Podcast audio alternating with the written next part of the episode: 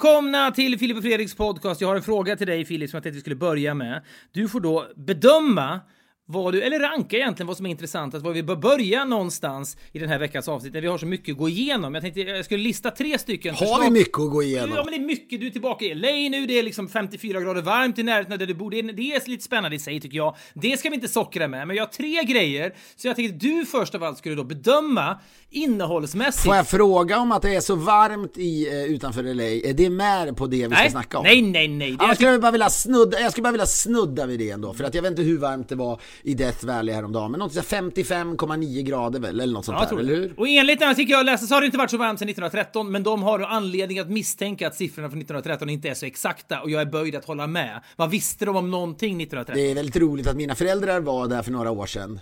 Då lyckades jag, jag vet inte hur man gör det, men pappades, de skulle gå ut och typ kissa på vägen mot Death Valley. Det var inte 55 grader då, men det var 40 grader då. Men så pappa glömde nycklarna i bilen så att de då inte kunde komma in i bilen igen på något jävla sätt. Vänta nu, okej, de så, då att stå- det, de har kanske en hyrbil också. Den har råkat låsa sig, de är båda utanför bilen och det är kanske, 40, det kanske är 49 grader varmt. Nej, jag vet inte, men jag bara, synen av detta och att de står där och mamma du vet, är galen på pappa och det, hade, så där, det där hade ju kunnat varit slutet. Min pappa hade ju kunnat, och mamma såklart.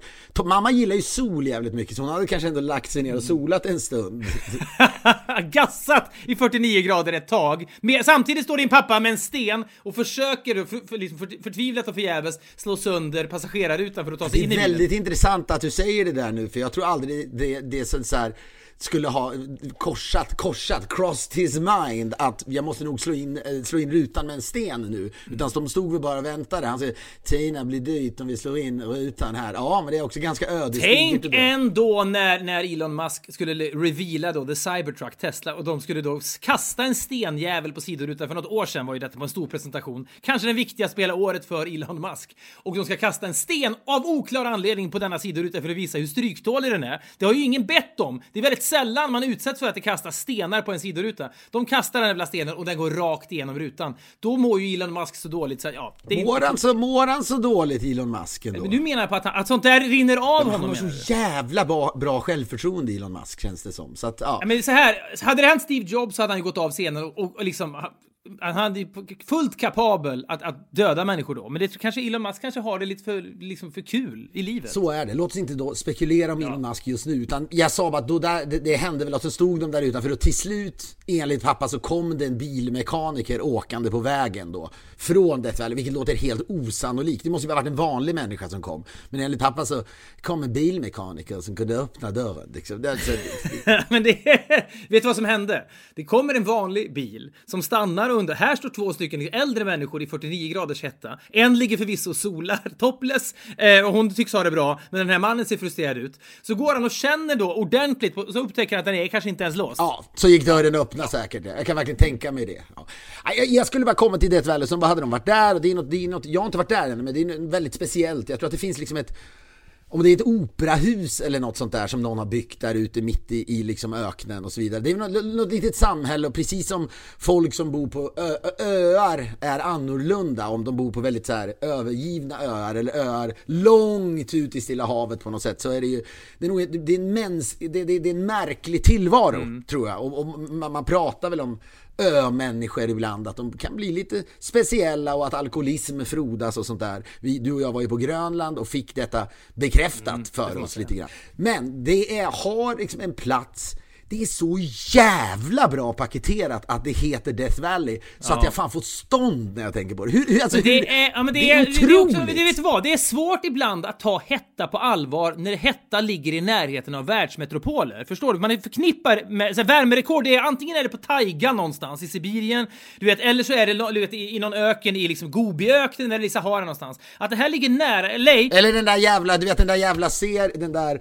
den där dokumentären som jag tror, eh, som jag inte tror att Werner Herzog egentligen hade så mycket med att Happy göra. People, men ja, precis. In Ja. För att, ja, där, där känns det, där man inte ens, du vet, man kan inte ens komma till den där byn på, under vinterhalvåret där det är så kallt, utan man måste vänta till floden Lena har tinat upp eller vad fan det är. Ja. Men det är så det Man oftast är. förknippar alltid och utgår ifrån att väderextrema, temperaturextrema platser måste ligga långt ifrån civilisationen, så att säga. Men Death Valley, det ligger Death Valley i fatet lite, att det ligger så, det ligger typ två timmar från att man står i köpcentret The Grove och köper en, en frappuccino. Det talar liksom, det talar emot Death Valley. Det är därför de har tagit ifrån tårna med namnet tror jag, för att visa, hallå, det är 55 grader varmt här, det är på riktigt. Det är varmare än vad det är i Sahara. Men det är en, håll med om det, det är någonting väldigt amerikanskt att det har suttit någon jävla människa där och liksom beslutat sig för, nej nu, det där måste heta något annat tidigare naturligtvis. Jag kan ju tänka mig, det här är väl Mm. där eh, urbefolknings eh, eh,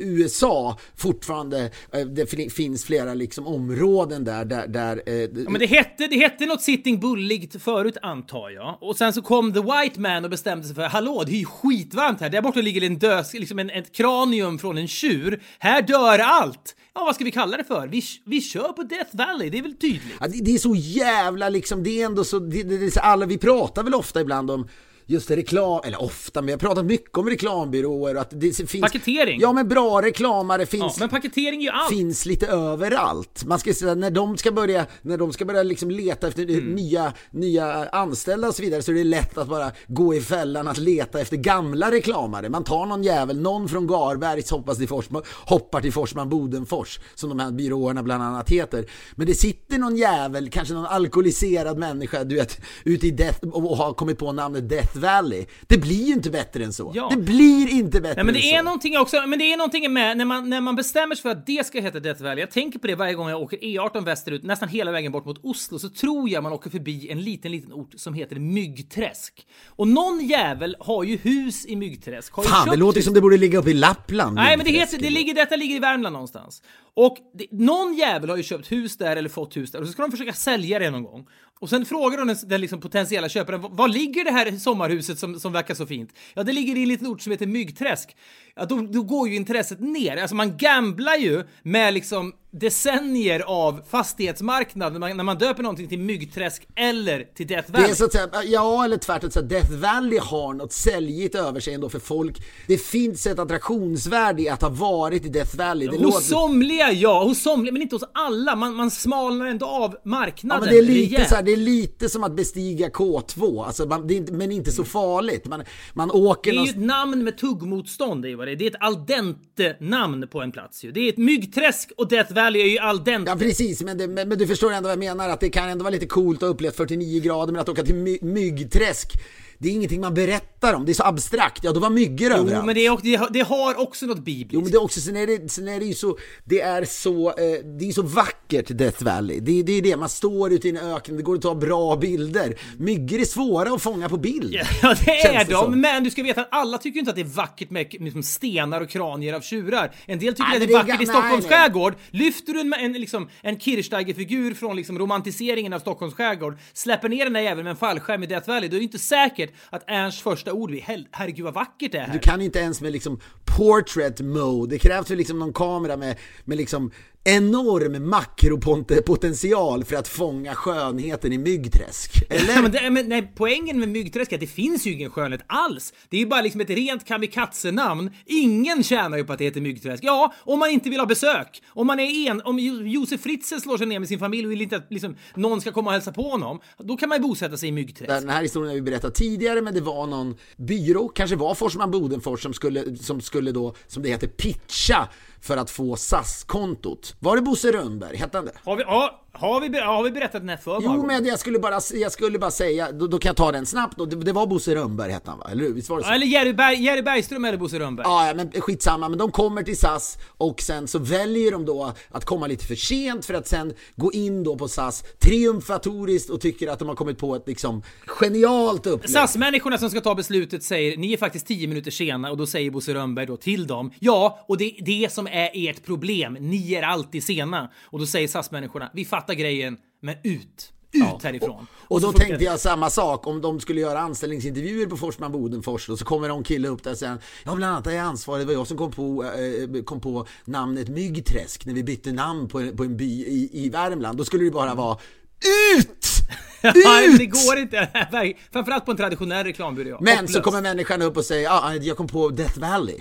Då skulle det det är direkt vara, chans. här, skriv på, här är, anställnings, här är anställningspapperna. Så jävla liksom, så fragilt är det mellan succé och fiasko när man ska söka jobb på en reklambyrå. Så är det bara. Ja, verkligen.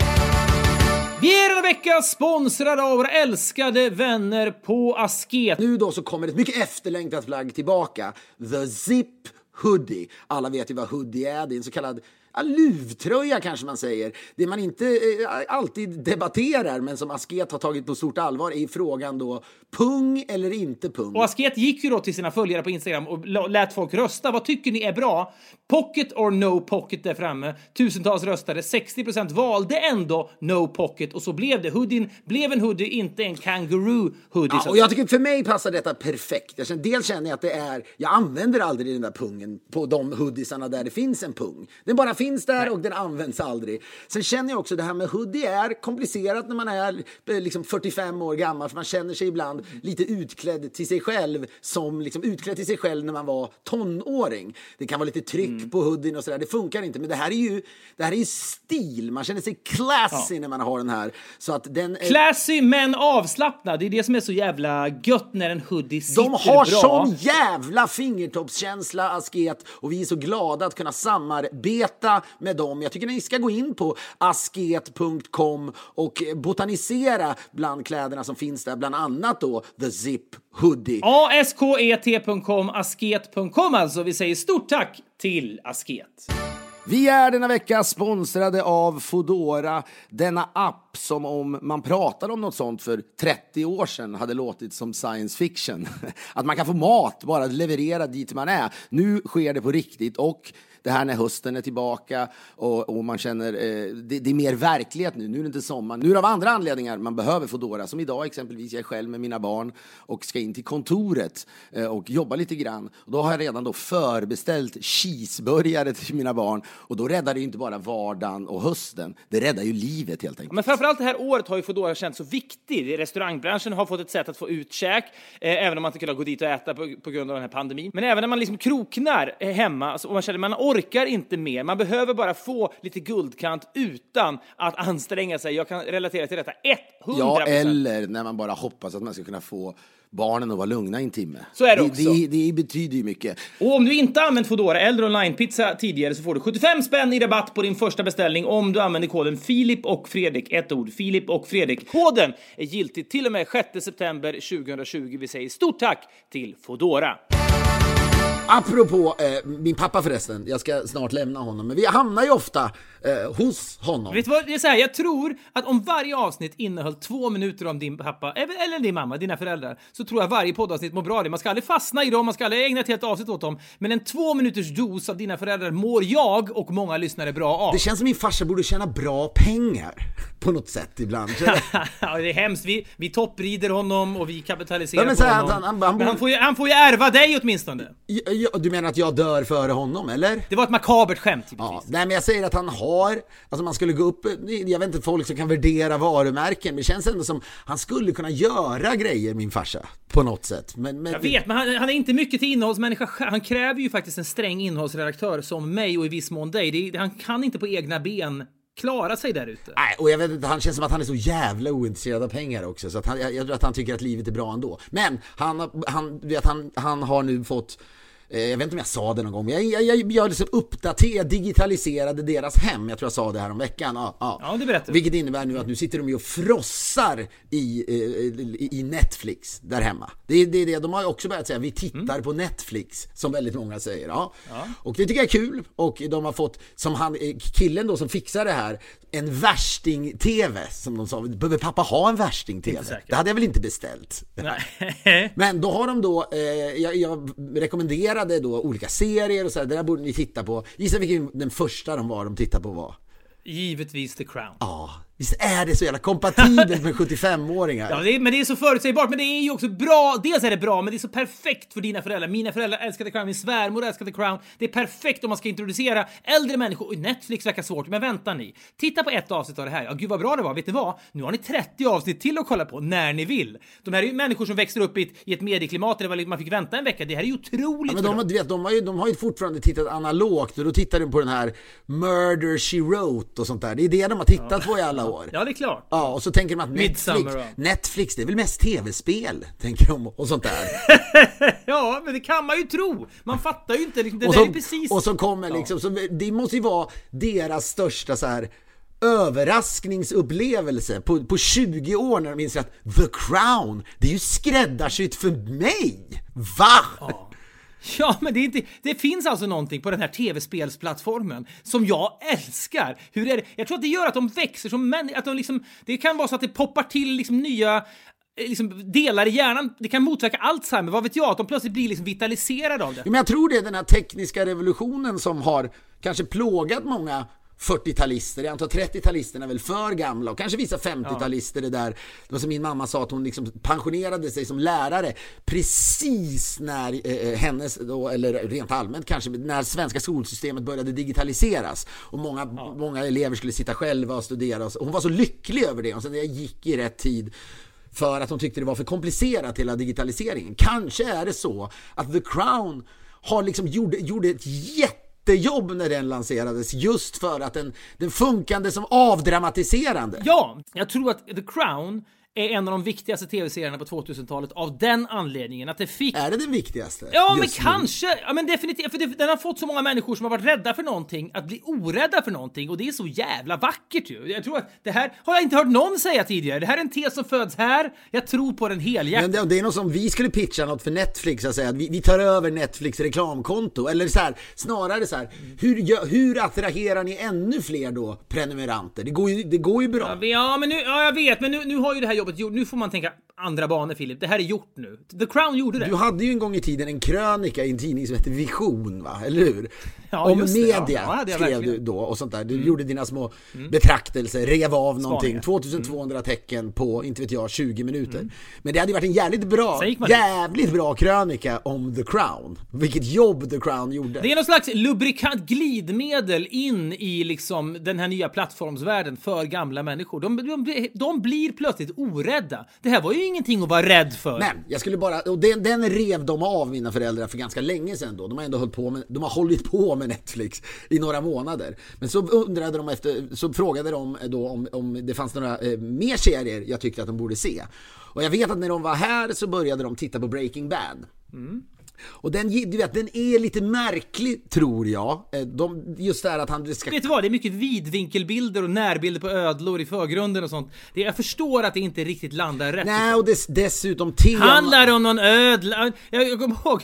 Ja, men det är lätt att man, att man hamnar fel. Breaking Bad som serie gillade ju att ha en öppningsbild i varje avsnitt som inte nödvändigtvis hade med handlingen av avsnittet att göra. Minns du när du och jag för kanske 18 år sedan var uppe på Sveriges Television och skulle pitcha programmet Fråga Lund på, eh, på för, för att de skulle skulle göra program Fråga Lund. Nu går ju detta på SVT, nu är det vårt bolag som gör det. det här, var- nu var vi på ett annat bolag. Vi tyckte fortfarande att det här är ett 60-talsprogram som vi kan revitalisera. Vi kan producera detta och göra det. Ja, så sitter man, du och jag pitchar, vi är nervösa, vi är kanske 27-28, vi har inte gjort det här förut. Och vi har då ett exempel på en, vilken typ av frågor kan man ställa då om man, om man eh, skriver frågor till Fråga Lund-redaktionen? Jo, stämmer det här att man släpper, om man släpper en mynt, en femkrona från, som det fanns på den tiden, från Eiffeltornets topp, kan det då klyva en människa då 300 meter längre ner för att det får en sån hastighet? Stämmer den myten. Det är lite mythbusters och så vidare.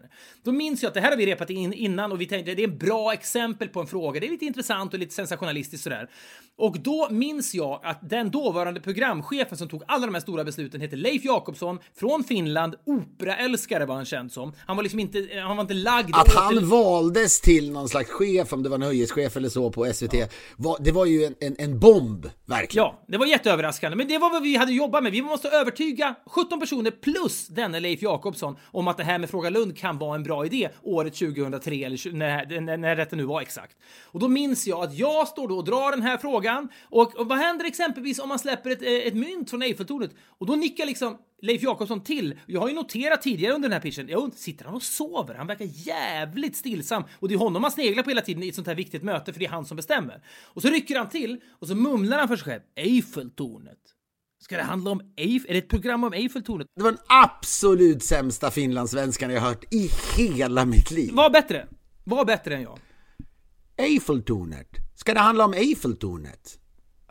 Ja, visst. Bättre. Ja, bättre. Absolut då. Men jag hör ju detta och jag känner så här, här glider pitchen ur våra händer. Om han, den där jävla operaälskaren, tror att vi pitchar en serie om Eiffeltornet, då kommer vi inte sälja in det. Så jag säger, jag hör vad du säger där nere. Eh, det handlar alltså inte om Eiffeltornet, utan det är bara ett exempel. Det finns ju tusentals frågor man kan ställa. Eh, Eiffeltornet är bara ett exempel. Så se... Ja, men det var ju kört Ja, men jag ser hur han muttrar och hur han sitter och ritar i ett block och så muttrar han vidare. Vad muttrar han då?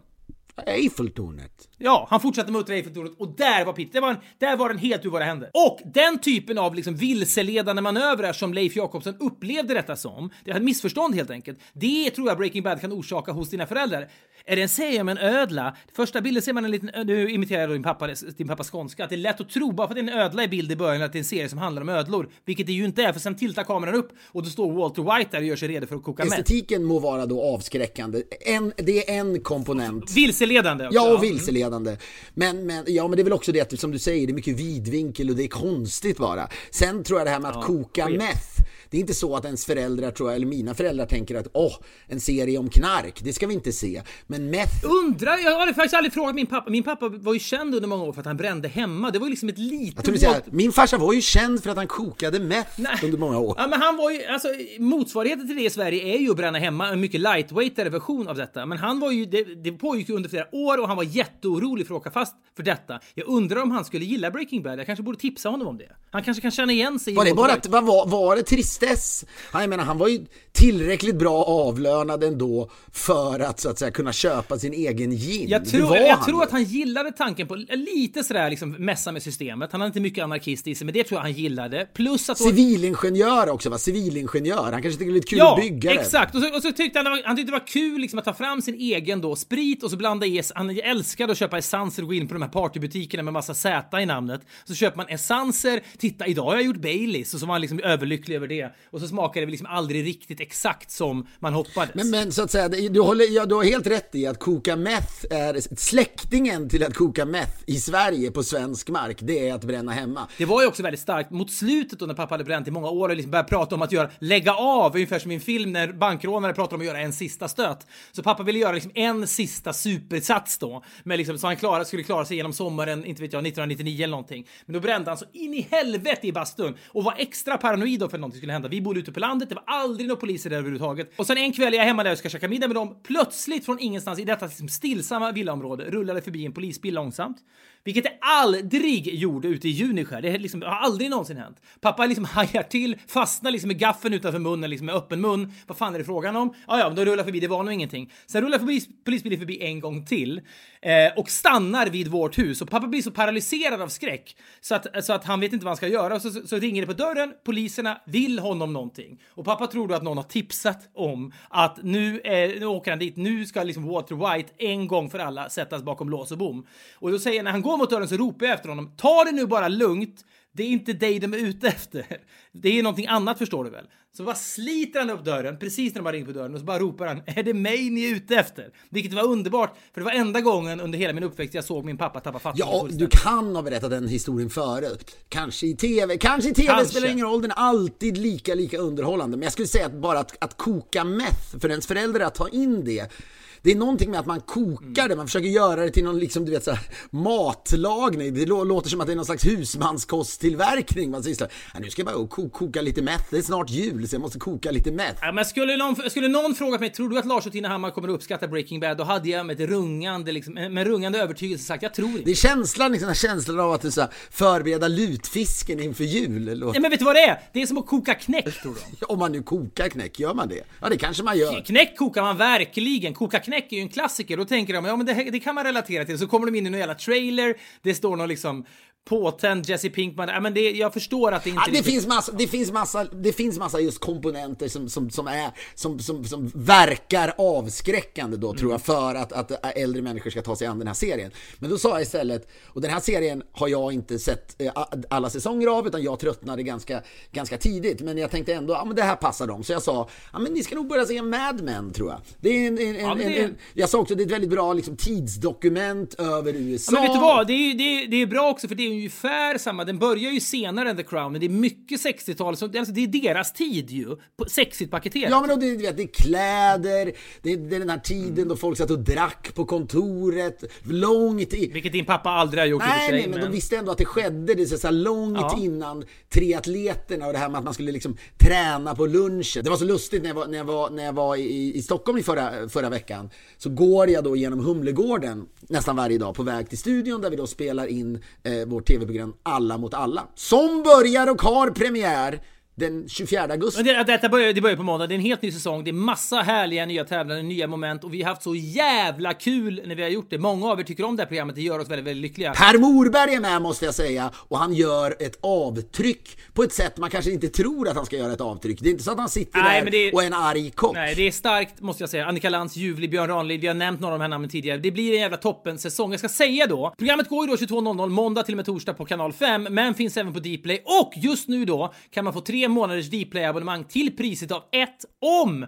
man anger koden alla mot alla och detta är då är giltigt från och med 24 augusti. Så koden är alla mot alla. Då får ni tre månader Dplay abonnemang till priset av ett giltigt från 24 augusti. Nog nasat. Vi älskar den där serien. Titta gärna. Jag ska också säga att det kommer vara så att hela veckans program då läggs ut även sent på söndag kväll tror jag. Så att man kan, man kan titta, man kan riva av hela alla mot alla veckan redan söndag mm. natt exempelvis. Mm. Och det är ju det, det, är kul. Jag tycker också det är något mysigt. Det har varit en kaotisk vår och en liksom märklig sommar. Det känns tycker jag med de här programmen liksom intrång i livet igen. Som att livet så sakta det återgår till det normala. Tio varje kväll, då har man den här mysiga stunden med oss och framför allt våra tävlande. Det blir härligt. Ja, men jag skulle bara säga att eh, så går jag genom Humlegården i Stockholm. Väldigt vacker park får jag säga. Och folk, folk älskar det där kan jag inte relatera till överhuvudtaget. Men folk sitter och har sina jävla picknicks så jag känner bara, fan vad obekvämt det ser ut. Så sitter de där med du vet, någon flaska vin och så. Det är underbart att folk tycker att det är underbart. Men det är få saker jag så lite lite kan relatera till som det där picknicklivet. Om, det skulle, om jag skulle göra någon lista på vad jag hatar mest i livet så är det nog picknick nästan, som är åtminstone topp fem i alla fall. Men då noterar jag när jag går igenom där att vid, vid 11, halv 12 någon gång sådär på dagen, att det är så flera företag, typ tre stycken, som kör någon slags lunchträning då. Mm. Och jag kände bara fan vad världen har blivit en tråkig plats. Det är lite, det är lite en Apple Watchifiering av hela, hela närings, eller näringslivet, yrkeslivet. Ja visst, viruset är trist och så vidare, men det finns även andra saker som är trista. Folk på allvar då använder lunchen åt att träna jag inser att det finns något bra i detta också, men man kan liksom inte alltid bara tänka på hälsan. Pluras livsstil får liksom inte försvinna helt. Det är ändå viktigt. Ja, men håll, ja visst. Eller Don Draper. Ja, precis. Och det är då huvudrollsinnehavaren i Mad Men. Och, jag, och jag, som jag sa, jag sålde in det mot mina föräldrar med att du vet, kläderna kommer få er att minnas tillbaka eh, till då 50-talet, eller är det 60-talet? Jag vet inte. 50-talet. 50, 60, 50 och 60. Ja, men till när ni, när ni, ni liksom levde och frodades. Nu var det så, pappa gick väl inte runt i någon liksom, kostym och var reklam reklamare på 50-talet. Så var det ju inte. Utan då, han liksom liftade på Irland med sin kompis Tommy Buse. Eh, och så vidare. Ja, Men jag sa det, fan det där är en bra serie. Och sen så ringer jag några dagar senare och bara frågar, har ni börjat se den? Ja, ja, ja, jag vill bara se den. Ja, den går lite snabbt tycker jag. och då reagerar jag ändå.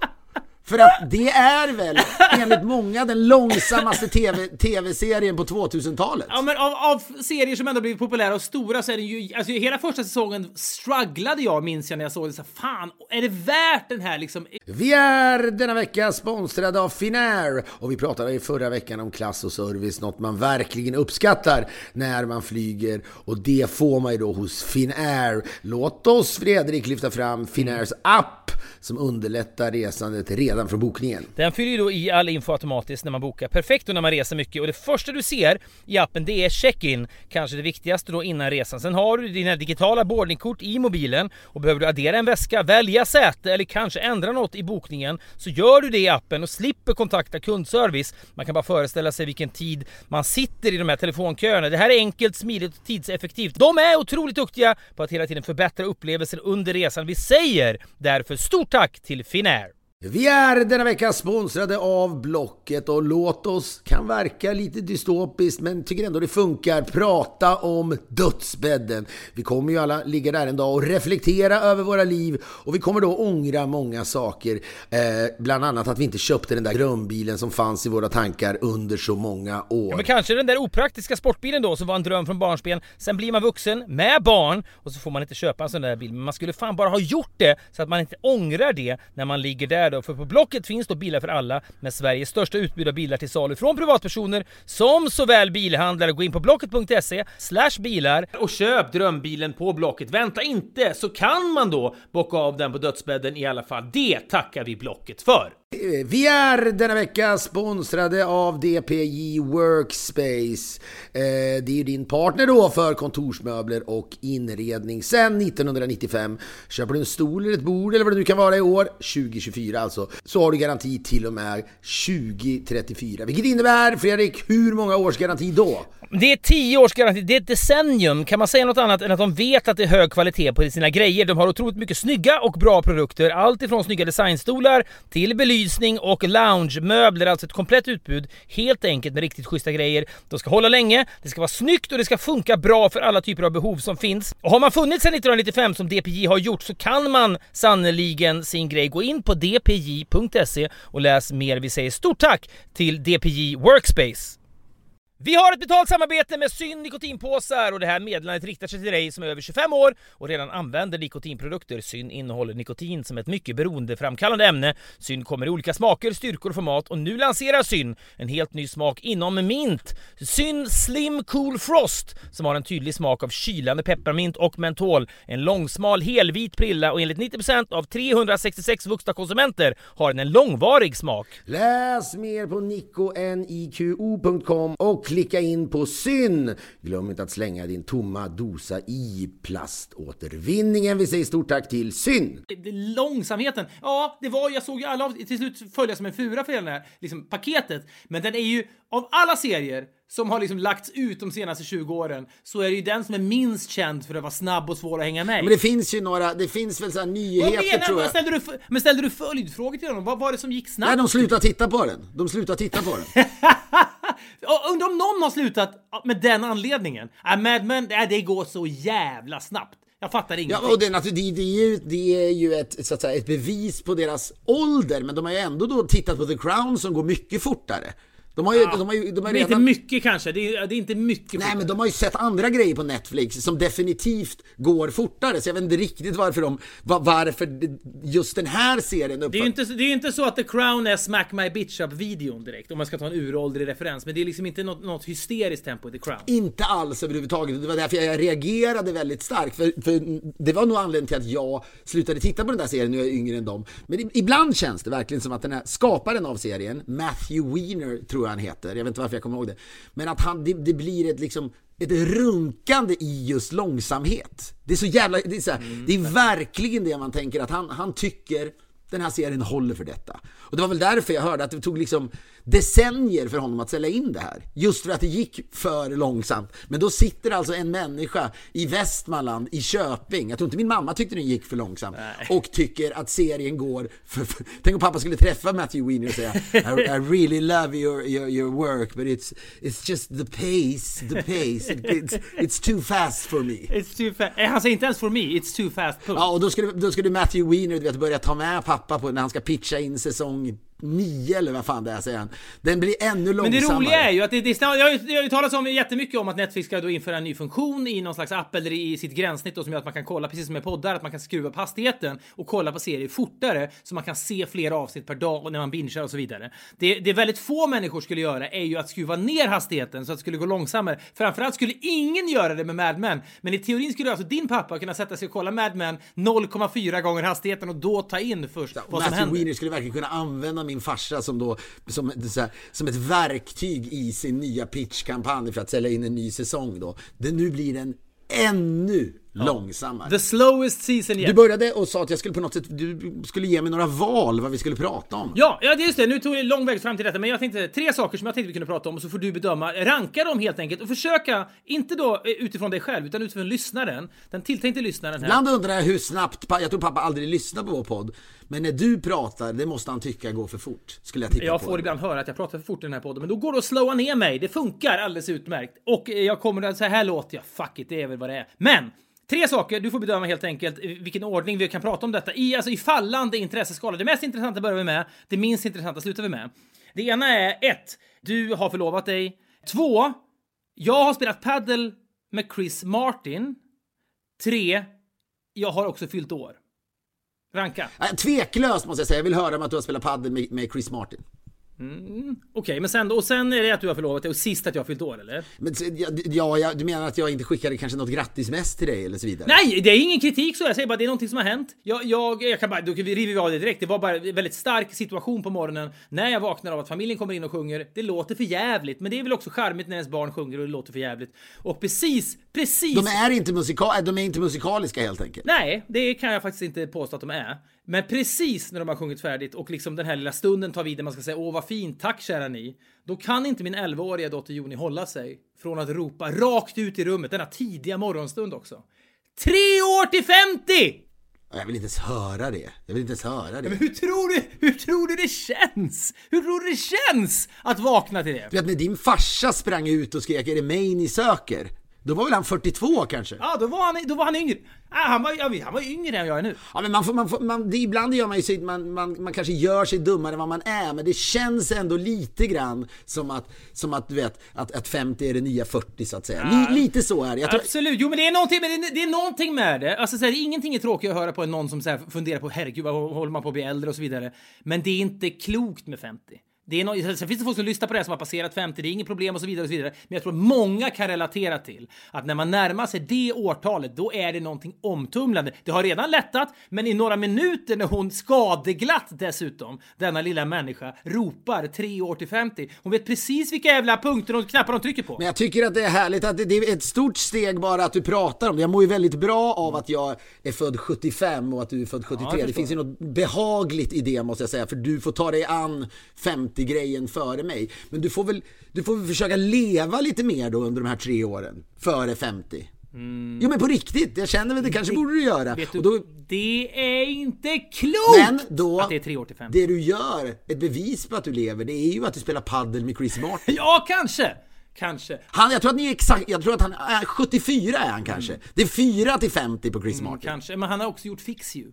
Men vad fan, du har väl gjort mer grejer än vad Chris Martin har gjort? Herregud. Men vad fan, mycket mer imponerad av din karriär som i och för sig ofta är, så, så, så att säga, har, inkluderar mig. Ah, han är 77, han är född 77, han är född 77 då i och för sig, så att det, det är några år till. Han har gjort, han har gjort Fix You. Det var också det. Men vad Alltså, fan, du kan var inte ju- mena allvar, han har, det är väl det enda han har gjort som är bra kanske? Nej, men... Ja, du kan ju inte... Det, det, det finns ju många lager i den här typen av Nej, diskussioner. jag står till 100% för att din karriär är mycket, mycket mer imponerande än Chris Martins karriär. Du är född med någon jävla guldsked eller om det är silverskeden man föds med. Gått privatskola i England. Nej du Chris Martin, din karriär imponerar inte ett skit på mig. Inte i jämförelse med min. Och Jag vet inte vad det är med dem. Så jag har inte så här, det är något märkligt med dem bara. Sen har jag hört så jävla usla grejer om Chris Martin, men det kan vi väl... Det kan vi väl jag, massa, jag sa ju att jag var inbjuden att spela fotboll med ett gäng då i LA där bland annat Chris Martin eh, eh, är med. Mm. Och det var då, och även basketspelaren Steve Nash. Men det, det som var absolut mest lockande var att Depeche Mode frontmannen som har passerat 50 för länge sedan, David Gahan skulle vara med också. Mm. Ja. Men sen så rann det ut i, vatt rann det ut i vattnet, det rann väl ut i sanden antar jag. Så var det! Nej, men det är så här, han, han, var, han var i Sverige bara för att göra musik och sen så... Gud vad spännande! Nej, jag säger bara att det var tre människor, de behövde en fjärde jag tycker spelare. att det är spännande! Nej, men det som, var, det som var unikt med situationen var ju förstås att han, jag var då den fjärde personen, jag har spelat padel kanske 12 gånger. Jag tror Pad- Chris Martin kanske inte har gjort det tidigare. Så att det som var så starkt med alltihopa det här var att han var så väldigt, väldigt dålig på detta, vilket man är om man är nybörjare. Och jag spelar ju då med, med Idol eh, jurymedlemmen Alexander Kronlund som är en god vän till oss båda. Det var han som var kopplingen så att säga, antar jag. Han var sannerligen kopplingen till, till mig. Han frågade mig, vi har en plats över här, vill du vara med? Absolut. Han och jag spelade. Vi var ju bättre än de andra två, framförallt bättre än Chris Martin. Men det som hände var att man, fick, att man då står och tycker lite synd om Chris Martin och att man faktiskt, för att man inte ska vinna varenda boll, slår vissa bollar i nät och fejkar att man är arg på sig själv och skriker HELVETE! Alltså, få människor behöver man ju hantera med bomullsvantar mindre än Chris det Martin. känns inte, absolut, men det här, vem du än spelar mot så vill du inte vinna varenda boll för det blir liksom, det, det finns ingen anledning att spela. Så det var speciellt Ja, men det sjuka är ju så här att skulle du spela mot någon polare som du är jättenära vän med och som är dålig, då skulle du ju bara smasha skiten ur den Nej, jag, det har jag inte i mig riktigt. Jag är lite mer humanist än så. Det blir liksom inte kul bara. Så att det var någonting speciellt. Varje gång han slår en missad boll så är jag då frestad att sjunga When you try your best Jag orkar you inte. don't Vet du vad jag ska säga nu? Så här, det ska jag också säga. Vi brukar ofta säga, vi ska avsluta podden med den. Jag säger så här, vi ska absolut inte avslu- avsluta podden med Fix You. nej, nej. Nej, men det var väldigt... Det var Men en det, det, allt det där är ju ointressant, utan det är ju snarare, visst det där är ju då eh, en, en, en, eh, avslöjar någonting om ditt beteende, men adresserade du på något sätt att hmm, din karriär är bättre än min karriär? Nej, men vad ska jag göra? Man står där. Det jag märker med den här historien, jag har ju berättat den för Men många. introducerar, alltså här, in, jag kan ändå tänka mig att när han ska spela paddel så tycker han det är skönast att spela paddel med folk han känner. Det vill säga, de, de andra människorna känner han. Vad var det då, så att säga, introducerades du som en Swedish TV guy Jag, eller någonting? inte någonting. Jag tror att Kronorna har säkert vouchat för mig på något sätt. Det här är en kille som är soft, det är ingen fara, du behöver inte känna dig orolig för att spela med honom. Han är kanske lite bättre Men hur, hur är det, och sen då, skakar ni hand? Nej, vi är armbåge mot armbåge som man gör i coronatider.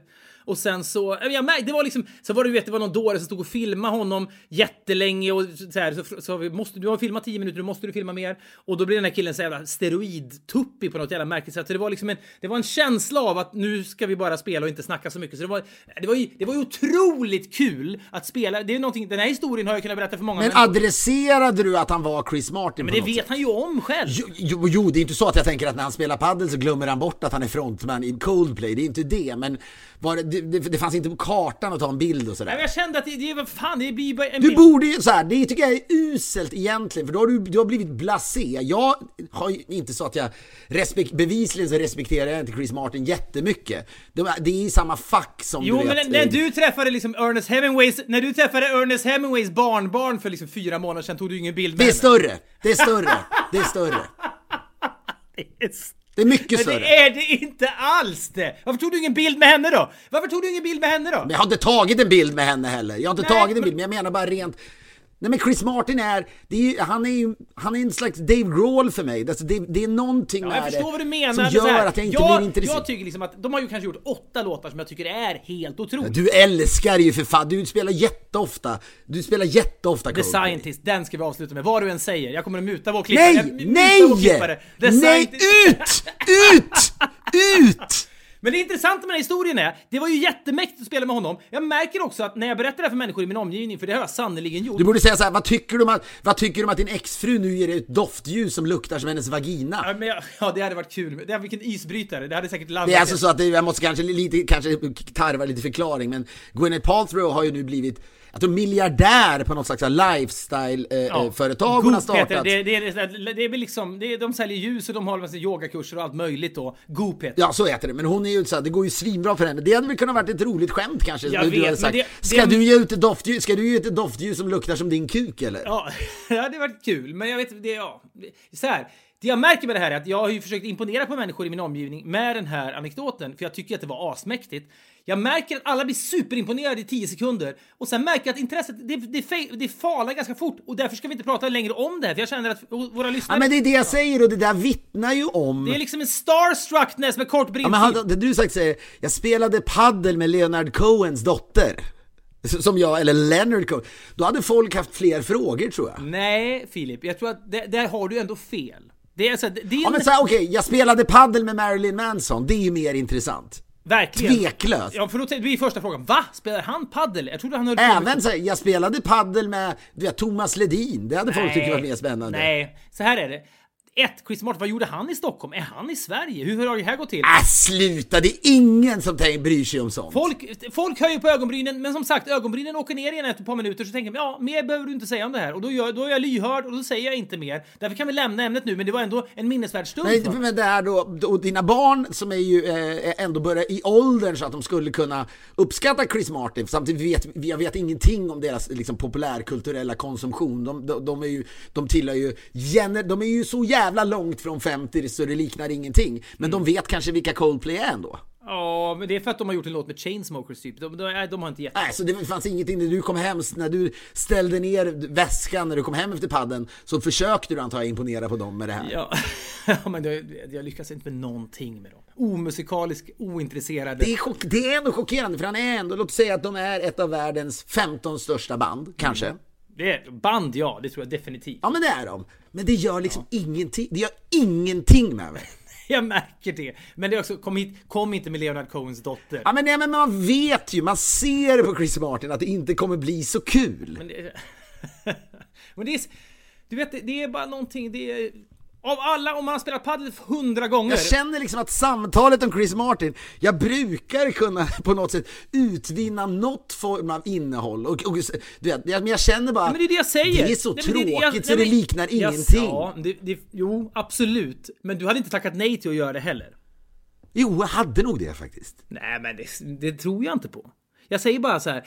Kom inte, du kan komma släpande som hur många Leonard Cohen-döttrar eller Ernest Hemingway-barnbarn som helst. Detta är ju närmare stor stardom. Så är det ju. Det är det du kommer med i någon slags jävla DNA-produkter bara. Jo men han är ju de, delar, stor... de delar kromosomer med författare som sköt sig själv 1961. Tror vi, gjorde vi någon enkät någon gång när vi visade upp bilder på de andra medlemmarna i Coldplay? Fråga Nej, dem? jag tror så här. Vi tänkte till säsong ett av Alla mot alla ha en fråga som var Säg en medlem i Coldplay som inte är Chris Martin. Sen strök vi den för vi visste att vi inte skulle få några rätta svar överhuvudtaget på den. Det är omöjligt. Ja, men jag skulle vilja snarare, säg en medlem i Coldplay.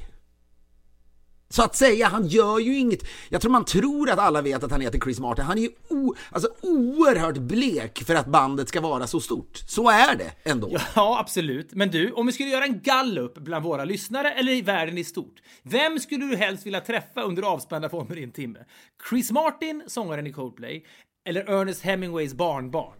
Vad tror du folk skulle svara då? Jag, jag, jag, jag vet inte. Alltså det, det, det, Jo, det vet du visst! Det vet du väl? Visst det! du, du har möjligen rätt där i det fallet, men det är, jag vet ju. När du säger att du har spelat padel med Chris Martin, då jag börjar ju gäspa redan där. Jag vet ju att det inte Jag har vet, hänt, men du, hänt du något. kom ihåg en sak så här. Om, om jag ser tillbaka på 100 paddelmatcher så kommer jag komma ihåg den. Men jag menar, det fanns inte ett spår av nu pustar vi ut och tar en iglo ihop. Nej, han, men han hade skitbråttom till att möte så det blev väldigt hastigt. För det hade kunnat varit åtminstone bara, nu står vi och tittar på GB-glasskartan, då hade jag kunnat fråga ja, vilken glass tog han och så vidare. Men det finns ju inget här. Nej, men jag, säger- jag säger att detta är en anekdot med kort brintid. Den, har inte, den håller kanske Vad inte... hade han på sig? Han har en lånad t-shirt från det här paddelstället som då de... Eh, jag tror att Måns Zelmerlöw som äger stället hade varit lycklig över om det hade fotograferats så då hade de fått en väldigt bra reklambild för det. Men det var ingen som tog några bilder på detta. Var det många som frågade om bi- bilder? Nej, det var den här liksom lite steroidiga galningen som Men folk känner inte igen honom. Det är det, folk känner inte igen Nej, honom. men folk väntar sig... De känner ju inte igen Ernest Hemingways barnbarn heller så att säga. Nej. Jag hade Må- Måns Zelmerlöw säga Fan nu har ni riktigt jävla bra läge här Måns. Ernest, Ernest Hemingways barnbarn kanske kan signera Nej, men så här, tröjan. man, ring, man ringer, äh, äh, har du något tidigare i eftermiddag Måns? Äh, som om han vore så instrumentell i det. Men så nej det är fullbokat, du vet. Eller så här till och med, så jag skulle gärna vilja hyra hela, hela, liksom, hela lokalen privat. Ja men som när Bill Clinton var på den där restaurangen Schillers eller vad det var i New York när vi gick förbi där och hade hyrt hela restaurangen, abonnerat, det- tömt hela restaurangen. Hade Pastiss! bara- Pastiss var det, precis så. det. åh, vad härligt var Men att det. ringa Måns vi skulle att alla de här 24 banorna står tomma, inte inte en jävel får komma in, vi har celebert besök i stan. Åh fan, vem är det då? Vem är, vem, är, vem är det? Är det liksom Tiger Woods, vad kan det vara? Är det alltså Ernest Hemingways barnbarn? det samtalet jag ville höra dig ringa. Det är, så här, det, är, det är ju en så här Kalle Sändare för finsmakare. Kalle Sändare var ju liksom före Hassan, Hassan-gänget. Busringning, ja, Ja, men nej, så det finns ingenting. Ja, men vad fan, då detta om detta. Nej, det var, det var extremt minnesvärt, men jag, som sagt... Är men vad, det är, vad, helt vänta är nu. som- Extrem, varför var det extremt minnesvärt? Där, vet du varför? Kräver du inte mer av För att jag inte... För Då att... kan du fan fylla 50 Jag ska imorgon. säga. Du ställer frågan, varför är det minnesvärt? Svaret är, för att jag inte kommer att glömma det. Det Tau enligt Fredrik Men det Wikingsson. mycket- Varför är det minnesvärt? För att jag inte kommer att glömma. Om du frågar mig om, inte vet jag, 30 år då. Minns du vem du spelar padel med? Ja, det var han sångaren i Coldplay. Det kommer jag ju komma ihåg. jo, men det kräver ju att det finns något mer. Det är ju saker... Nej, det kräver inte alls det. det krä... Han har sjungit Fix You, han uppträder för tusentals människor. Då kommer jag ihåg att jag spelar padel med honom. När han då är, han kanske kommer skriva två hittar till som blir liksom evergreens och så vidare. Och så ska du sitta där och berätta det, för du vet. Jag sitter på någon porch. Ja men du ska berätta det då för din dotters eh, eh, barn då, ditt barnbarn vad det lider. Att då inte ha någonting mer är ju pinsamt. Ja, vid det, vid det laget, vid det laget Filip, kan historien, kan historien ha blivit jag, ska jag, ska, jag önskar att du hade berättat den här historien för mig off podcast så att säga. Så hade jag kunnat hjälpa dig och, och, och vässa den lite Ja, grann. men jag vet vad, jag tycker att det är något fint att inse att det här är en historia som, som imponerar i 10 sekunder och sen så ja, inser man det är inte så mycket mer än så. Det är en vanlig människa som man har spelat lite tennis med så att säga. Jag tycker att du så. borde kräva mer av livet. Ja, det är det som är målet de nästa tre åren. Då måste jag maxa allt. Men nu då, eh, tidningarna har skrivit om detta. Det har ju då blivit en nyhet. Tidningarna? Ja, men, Jaså? ja, men du har uttalat det själv till och med i tidningen. Ja just det, jag skickade, ett, jag skickade ett, ett, ett, ett, två mess, ja, det gjorde jag faktiskt. Ja, så du skickade Ja. sms där du skrev att alla borde vara avundsjuka. Du verkar väldigt lycklig då. Lite euforisk. Då, ja, det, det är jag fortfarande. Jag tycker verkligen att alla borde... Jag vet att du, du skulle flyga tillbaka till USA. Jag vet att du var orolig för att här coronatider kommer man ens komma in i landet. Jag messade dig omtänksamt. Hur gick det i immigration? Får inget svar. Tänk, tråkigt. Han svarar mig inte. Men det var ju då givetvis för att du, du hade överrumplats av Agnes i, innanför Du immigration. inte kritisera mig för att jag inte svarar på ett mess. Det var- du vet, jetlaggad, det där hände, det var mycket som hände. Jag, Ja, fan, jag, säger, jag, jag kom ju själv med förklaringsmodellen till detta, givetvis. För hon står där innanför och detta hände då. Nej, nej, antar nej, jag. nej, nej, nej. Och nu måste jag ju tänka här. Det, ah, det här kan ju framstå som väldigt, väldigt självgott. För jag, jag tänker Fredrik Wikingsson om vänskapen med Chris Martin. Det skulle ju kunna bli en artikel i, i, i någon svensk skvallertidning. Och jag vet ju också att det jag säger här nu skulle kunna på något sätt citeras i svenska skvallertidningar. Men vad, vad spelar det för roll egentligen? Nej, om man tänker för mycket på sånt i livet, då blir man en, en dålig människa också. Ja, och det, för det skulle ju bara handla om hur personlig är jag. Men då ska jag berätta för dig att hon stod absolut inte i någon, någon hall, så ankomsthall. Utan jag kom ut därifrån. Jag var som sagt var lite nervös, man skulle gå igenom. Man vet inte hur det ser ut nu. Det var ju dystopiskt på många sätt att flyga för att det var, planet var ju nästan helt tomt. Jag tänkte verkligen mycket på flygpersonalen då. Det här är ju intressant om man, om man, om man prata med folk innan någonting händer och säga skulle du tycka det var skönt att du inte behöver jobba alls under en flygning? Om man pratar med flygpersonal. Eh, många, ibland så får man ju höra om hur egentligen sysslolöst det är att vara pilot numera. Allt, det är ju autopilot som gäller och de sitter där inne med sina paddor och liksom försöker köpa reservdelar till sina båtar och sånt där under hela flygningen. Ja, Okej, det, är- det typiska, den typiska Ja men det var väl för att det hände när jag satt inne i, i cockpit en gång. Okej, ja. Men nu märker man att den här flygpersonalen har ju ingenting att göra för de delar ut någon låda med mat och sen i övrigt har man ingen kontakt med dem. Nej. Och det är ju ansiktsmask på och så här.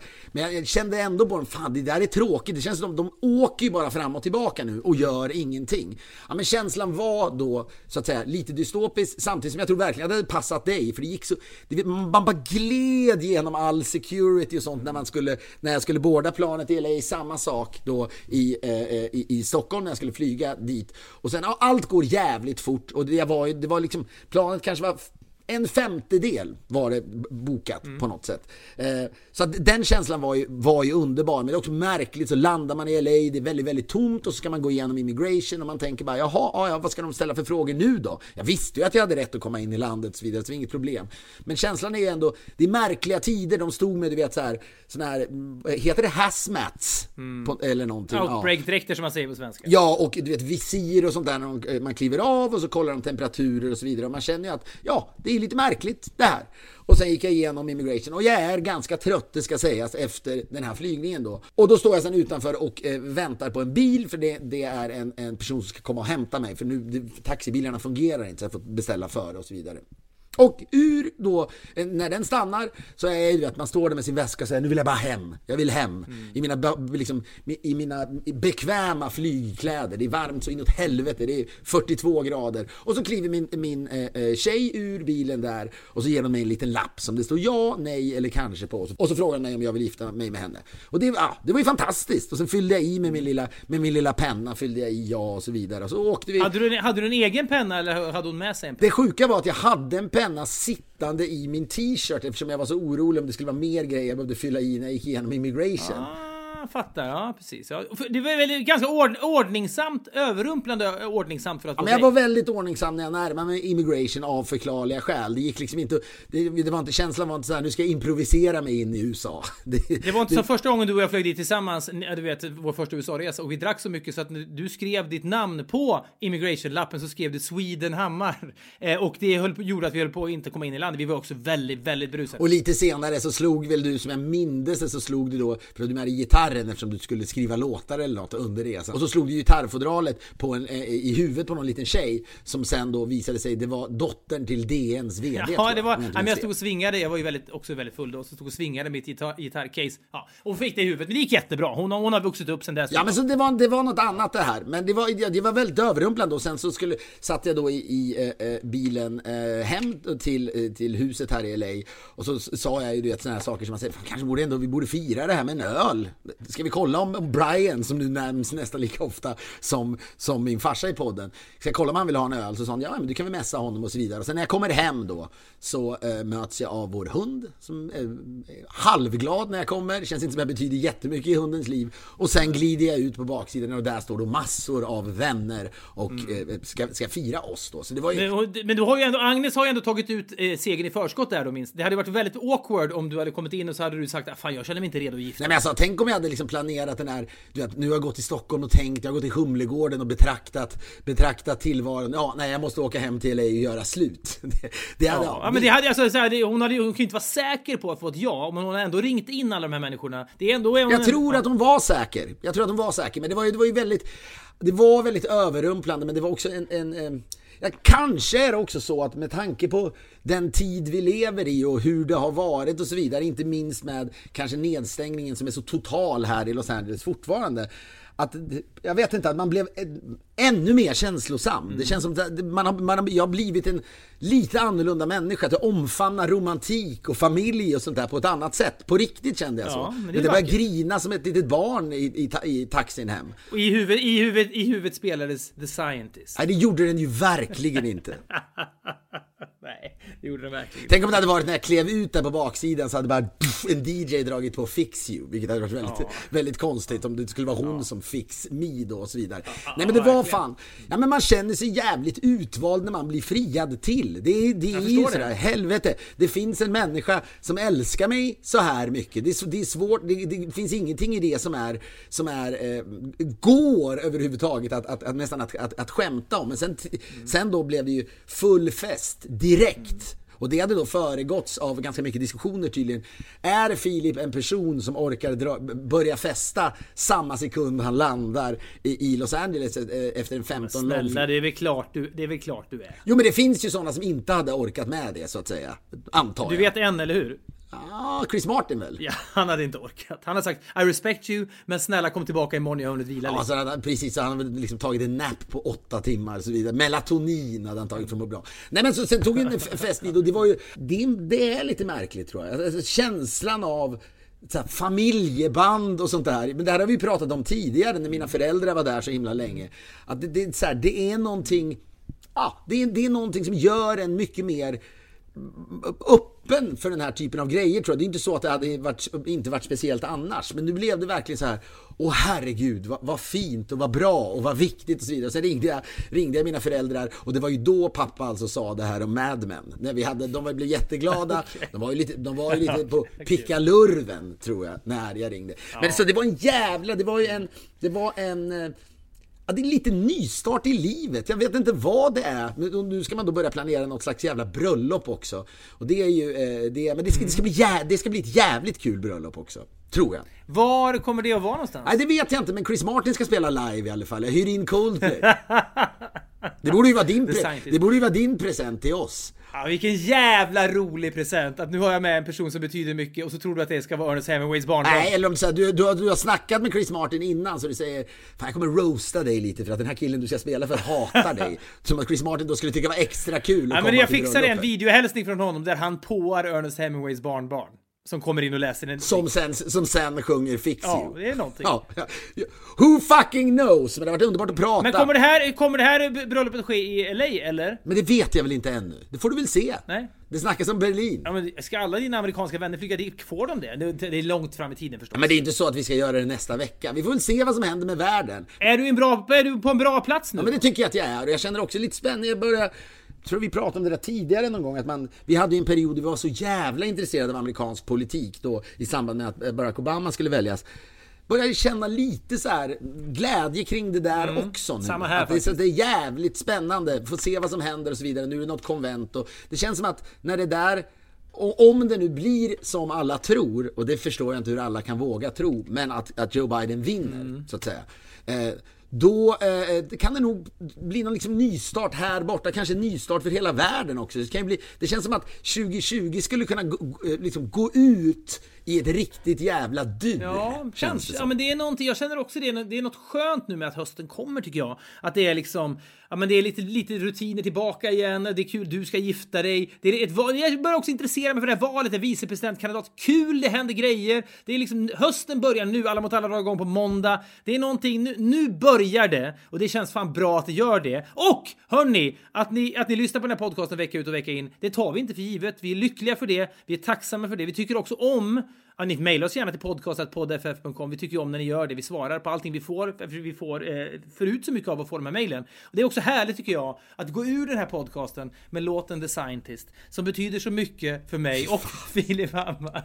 Och hade Ernest Hemingways barnbarn släppt en singel så hade jag gladeligen avslutat podden med det. Men det har hon inte gjort, för ingen vet vem människan är eller om hon ens existerar. Hörni, vi hörs igen om en vecka. Ta hand om er.